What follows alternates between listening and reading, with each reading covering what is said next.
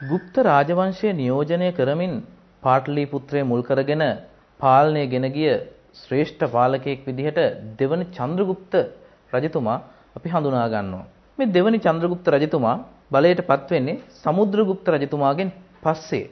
විශේෂයෙන්ම සමුද්‍රගුප්ත රජතුමාගේ පුත්‍රයා ලෙසින් තමයි දෙවන චන්ද්‍රගුප්ත පාටලිපුත්‍රය මුල් කරගෙන ගුප්ත රාජවංශයේ ගුප්ත අධිරාජ්‍යයේ බලයටපත් වෙන්නේ. ඒ වගේම තමයි ගුප්ත අධිරාජ්‍යයේ බල ව්‍යාප්තියේ උච්චතම අවස්ථාව අපිට දකින්න පුළුවන්කම ලැබෙන්නේ මේ දෙවන චන්ද්‍රගුප්ත රජතුමාගේ රාජ්‍යාවධියේදී. දෙවන චන්ද්‍රගුප්ත රජතුමා පිළිබඳව තොරතුරු සොයා බලනකොට ඔහු පිළිබඳව සඳහන් වන මූලාශ්‍ර පිළිබඳව සාකච්ඡා කරනකොට ප්‍රධාන මූලාශ්‍රයක් විදිහට වික්‍රමාංක දේව නම් ලේඛකයා විසින් රචනා කරන ලද දේවි චන්ද්‍රගුප්තා කියන නාට්‍ය ග්‍රන්ථය ගොඩක් වැදගත් වෙනවා. ඊට අමතරව භාන භට්ටගේ හර්ෂ චරිතයත් දෙවන චන්ද්‍රගුප්ත රාජ්‍ය අවධිය පිළිබඳ සුවිශේෂී තොරතුරු අනාවරණය කිරීමට සමත් වෙනවා. මීට අමතරව දෙවන චන්ද්‍රගුප්ත පිළිබඳව සඳහන් වන අභිලේඛන විදිහට සාංචි ලිපිය, උදයගිරි ලිපිය, මතුරා ටැම් ලිපිය වගේ ඊට පස්සේ දිල්ලි මෙහෙරවුලි ටැම් ලිපිය මේ වගේ ශිලා ලේඛන රසක් දෙවන චන්ද්‍රගුප්ත රජතුමා පිළිබඳව තොරතුරු සඳහන් වෙන අභිලේඛන විදිහට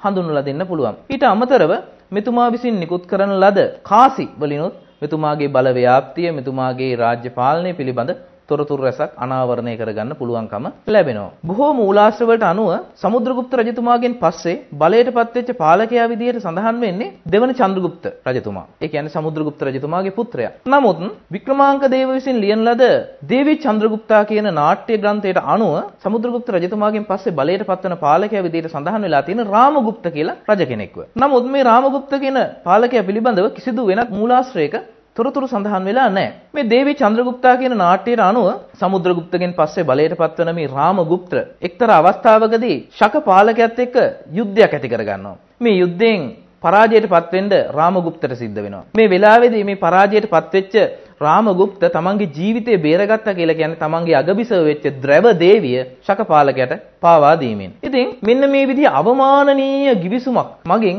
තමන්ගේ ජීවිතය බේරගන්නවා කියනවා රාමගුප්ත. ඉතින් මේ ද්‍රව දේවිය වෙනුවට ද්‍රව දේවිය වගේ වෙස්වලාගෙන ශකපාලකයා ළඟට ගියා කියලා කියන්නේ දෙවන චන්ද්‍රගුප්ත. දෙවන චන්ද්‍රගුප්ත ද්‍රවදේවිය වගේ වෙස්වලාගෙන ගිහිල්ලා ශකපාලකයාව මරලා රාමගුප්තව මේ අවමානනීය givisුමෙන් නිදහස් කරගත්තා කියලා කියනවා. පසුව මේ රාමගුප්ත සහ දෙවන චන්ද්‍රගුප්ත අතර ඇතිවෙච්ච මතභේදයක් මුල් කරගෙන දෙවන චන්ද්‍රගුප්ත විසින් රාමගුප්තව මරලා පාටලිපුත්‍රේ රජකම ලබා ගත්තා කියලා කියනවා.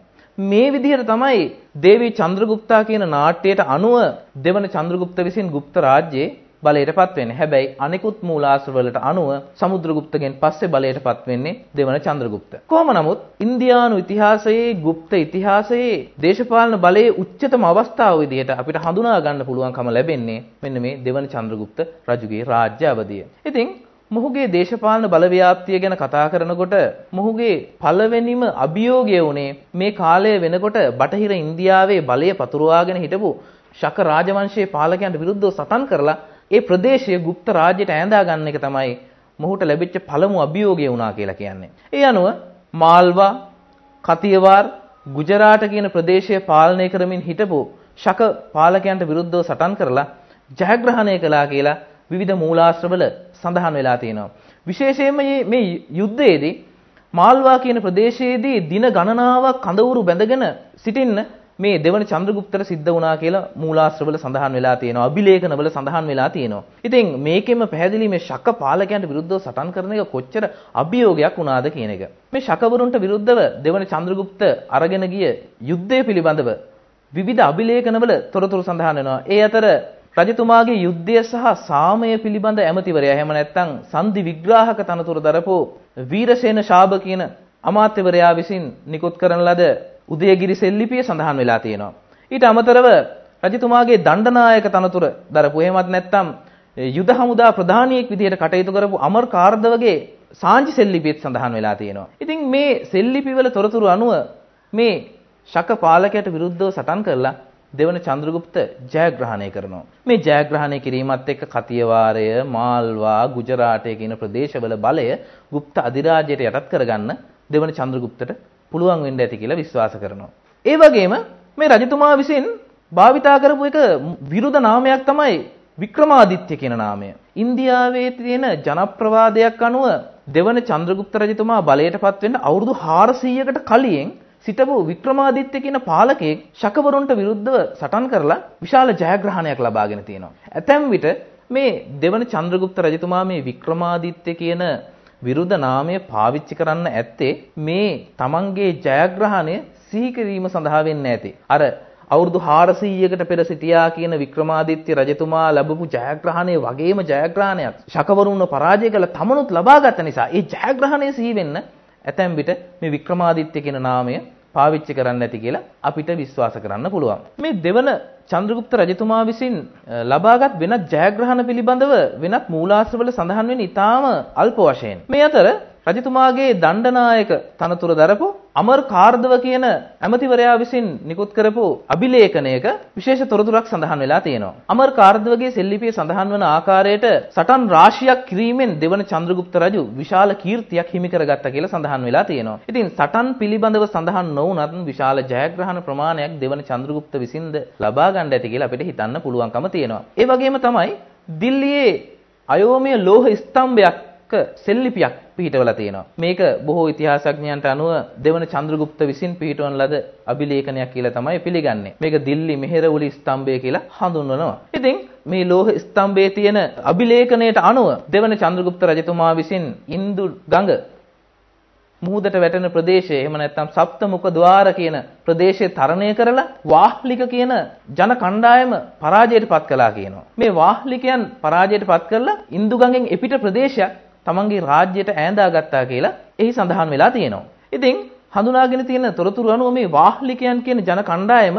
හින්දු කුෂ් කඳු වැටිනුත් එපිට හිටපු ජන කණ්ඩායමක් විදිහට තමයි සඳහන් වෙලා තියෙන්නේ.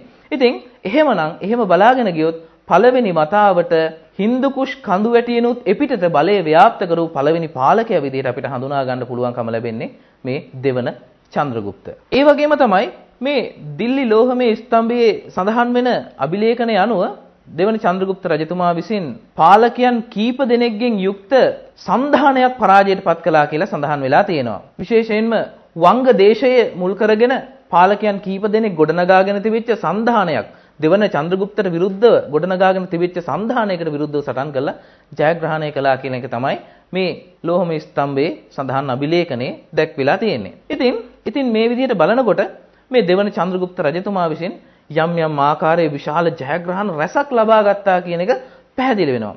දෙවන චන්ද්‍රගුප්ත රජතුමා තමන්ගේ গুপ্ত රාජ්‍යයේ බලය ව්‍යාප්ත කිරීම සඳහා අනුගමනය කරපු එකම ප්‍රතිපත්තිය මේ දිග්විජය ප්‍රතිපත්තිය විතරක් නෙමෙයි.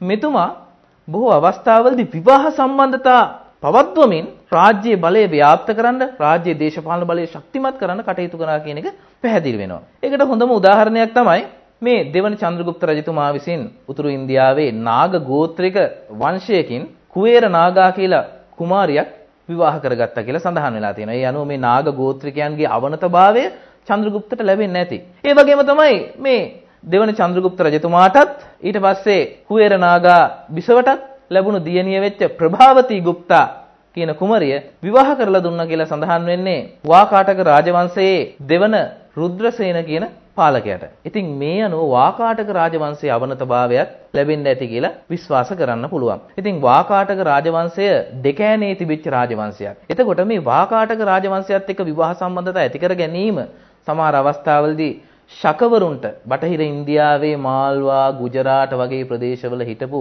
ශකවරුන්ට විරුද්ධව සටන් කරන්න මේක ලොකු උපකාරයක් වෙන්න ඇති කියලා හිතන්න පුළුවන්. ලොකු දේශපාලන ශක්තියක් වෙන්න ඇති කියලා අපිට හිතන්න පුළුවන්. ඒ වගේම තමයි මේ කාලේ තිබිච්ච තවත් වංශයක් වෙච්ච කාදම්බ වංශයේ පාලකයා වෙච්ච කාකුස්ති වර්මන් රජුගේ දියණිවරුන් ගුප්ත පාලකයන්ට විවාහ කරලා දුන්නා කියලා අභිලේඛනවල සඳහන් වෙලා තියෙනවා.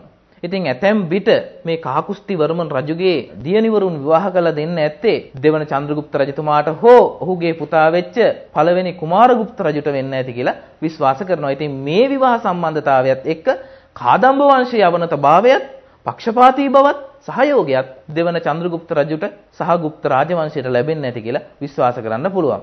ඉතින් මෙන්න මේ தত্ত্বය යටතේ මේ විවාහ සම්බන්ධතාව පදනම් කරගෙන දේශපාලන බලය ශක්තිමත් කරගැනීමටත් මේ දෙවන චන්ද්‍රගුප්ත රජතුමා උනන්දු වුණා කියන එක මේ මූලාශ්‍ර තොරතුරු වලින් පැහැදිලි වෙනවා. ඒ වගේම තමයි මෙතුමාගේ කාසි වලිනුත් මෙතුමාගේ දේශපාලන ජයග්‍රහණය පිළිබඳ ජයග්‍රහණ පිළිබඳව යම් යම් ඉඟි ලබා ගන්න පුළුවන්.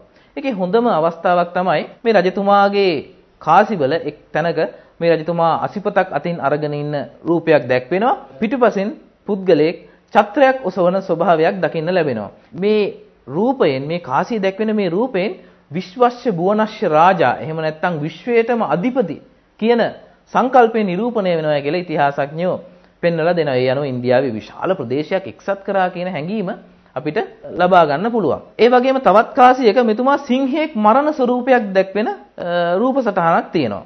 ඉතින් මේකෙන් අපිට විශ්වාස කරන්න පුළුවන් දේ තමයි සිංහයන් මේ කාලේ බහුලවම හිටපු ගුජරාටය ප්‍රදේශය යටත් කර ගැනීම සංකේතවත් වෙනවා කියලා විශ්වාස කරන්නත් පුළුවන්. ඒ වගේම තමයි මෙතුමා පාවිච්චි කරපු විරුද්ධ නාමයක් තමයි සිංහ වික්‍රම කියන එක.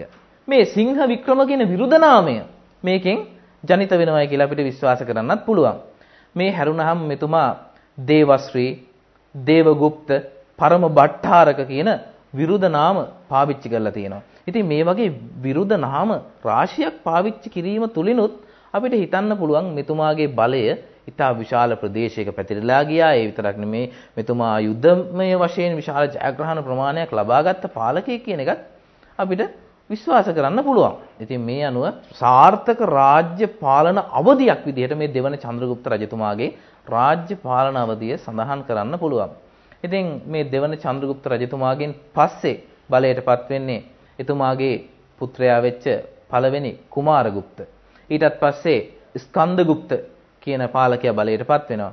ඉතින් ස්කන්දගුප්ත රජුගෙන් පස්සේ බලයටපත් වෙන පාලකයන් අතර විවිධ ආරවුල් ඇති වෙනවා. ඒ විතරක් නෙමෙයි මේ පාලකයන් ගොඩක් දුර්වල පාලකයන් විදිහට තමයි ඉතිහාසයේ මූලාශ්‍රවල සඳහන් වෙලා තියෙන්නේ. ඉතින් මේ தත්වයට යටතේ ස්කන්දගුප්තගෙන් පස්සේ ටිකෙන් ටික මේ ගුප්ත අධිරාජ්‍ය පරිහානියටපත් වෙන්න පටන් ගන්නවා. අවසානයේ මේ දුර්වල පාලනය හමුවේ වයඹ දිගින් හූන කියන ගෝත්‍රිකයන් පිරිසක් හූන කියලා හඳුන්වපු ගෝත්‍රිකයන් පිරිසක් වයඹ දිගින් ඉන්දියාව ආක්‍රමණය කරනවා.